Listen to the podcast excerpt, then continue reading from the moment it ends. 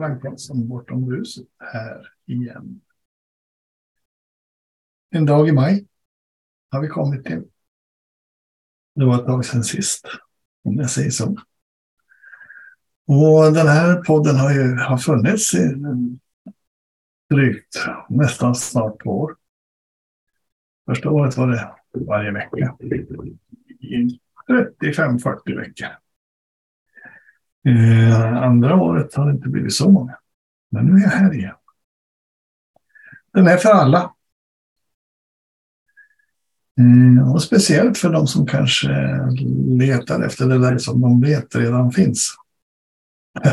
en konstig grej att säga. Men någonstans inom oss allihop så vet vi att vi har det vi behöver. Alltid närvarande vad vi än tror och tänker. Det handlar lite grann om de grundlagar som styr vår upplevelse av livet. Som en jämförelse, tyngdkraften. Den fungerar vare sig vi vill eller inte, vare sig vi vet om den eller inte, vare sig vi kan beskriva den eller inte. Ingen av oss vaknar på morgonen och funderar om vi ska flyta omkring eller om vi ska sätta ner fötterna på golvet när vi kliver ur sängen. Så um, de här grundlagarna som styr vårt liv, våra upplevelser, de har samma giltighet för oss alla, hundra gånger av hundra. Vare sig vi tror, vet eller kan. En av dem är sinnet. Sinnet, livskraften, man också säga. Det där som egentligen inte går att förklara med ord. Och när vi föds så händer det något. Vi får en kickstart någonstans ifrån. Innan dess är vi ett med mamma, där i livmodern. Eh, I och för sig, vårt hjärta slår. Men vi har ett eh, näringssystem blodomlopp tillsammans med mamma. Så vi är lite gärna beroende av mamma.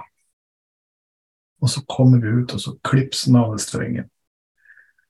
Med all den där näringen och blodomloppet. Och så är vi själva. Men innan det klipps så har vi skrikit. Och då ler alla i det där rummet. Och tycker det är helt fantastiskt senare så, i livet så kanske det inte är så fantastiskt för omgivningen när vi gråter för att vi är hungriga eller blöjan är full. Och ingen fattar varför. Vad är det nu? Men det är livskraften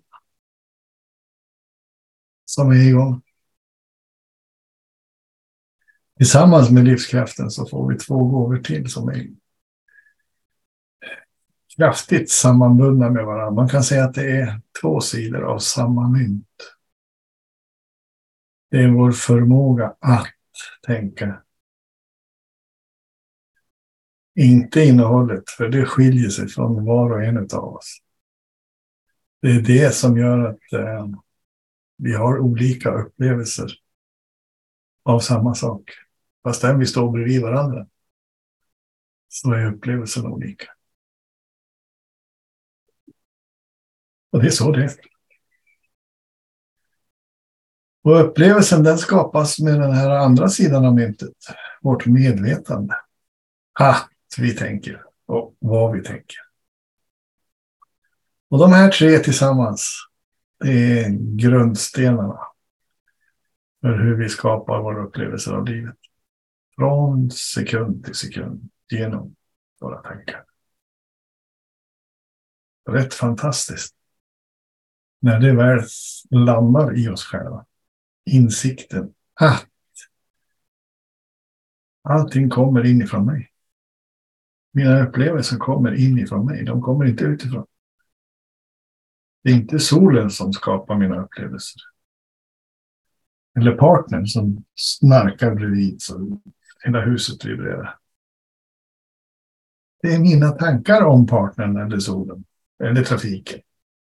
Eller maten som vi ska stoppa i munnen. Eller whatever. Mina tankar. Inifrån mig. Och egentligen så drar man det där ett varv till så ger det oss ju oanade möjligheter att skapa vilka upplevelser som helst. Som när man satt i skolan och fröken inte var så där jävla roligt. Titta tittade ut genom fönstret och så försvann man i tankarna. Man. Då använder du den här gåvan att skapa din upplevelse. Långt ifrån det fröken pratade om. Om det nu var matte geografi eller historia. Det kommer du inte ihåg. Inte jag i alla fall. Jag var en jävel på att fantisera. Och det är lite det som är den röda tråden i den här podden. Som heter då Bortom bruset. Och vad är bortom bruset? Ja, här blir det en liten cliffhanger. Det ska jag ta nästa avsnitt. Bara för att ni ska komma tillbaka och vara lite nyfiken. Och vill ni skicka några frågor till mig så eh, Ivan Karlsson ihop med alla bokstäver i rad med ett W, ett K och två S. Ivan Karlsson. Snabel bortom bruset. Det har ni här borta. Det blir spännande att veta vad jag menar med bortom bruset. Men det är min mening. Mina tankar om de två orden. Ha det bra där ute. Allt ni behöver har ni inom er. Bye bye. Thank you.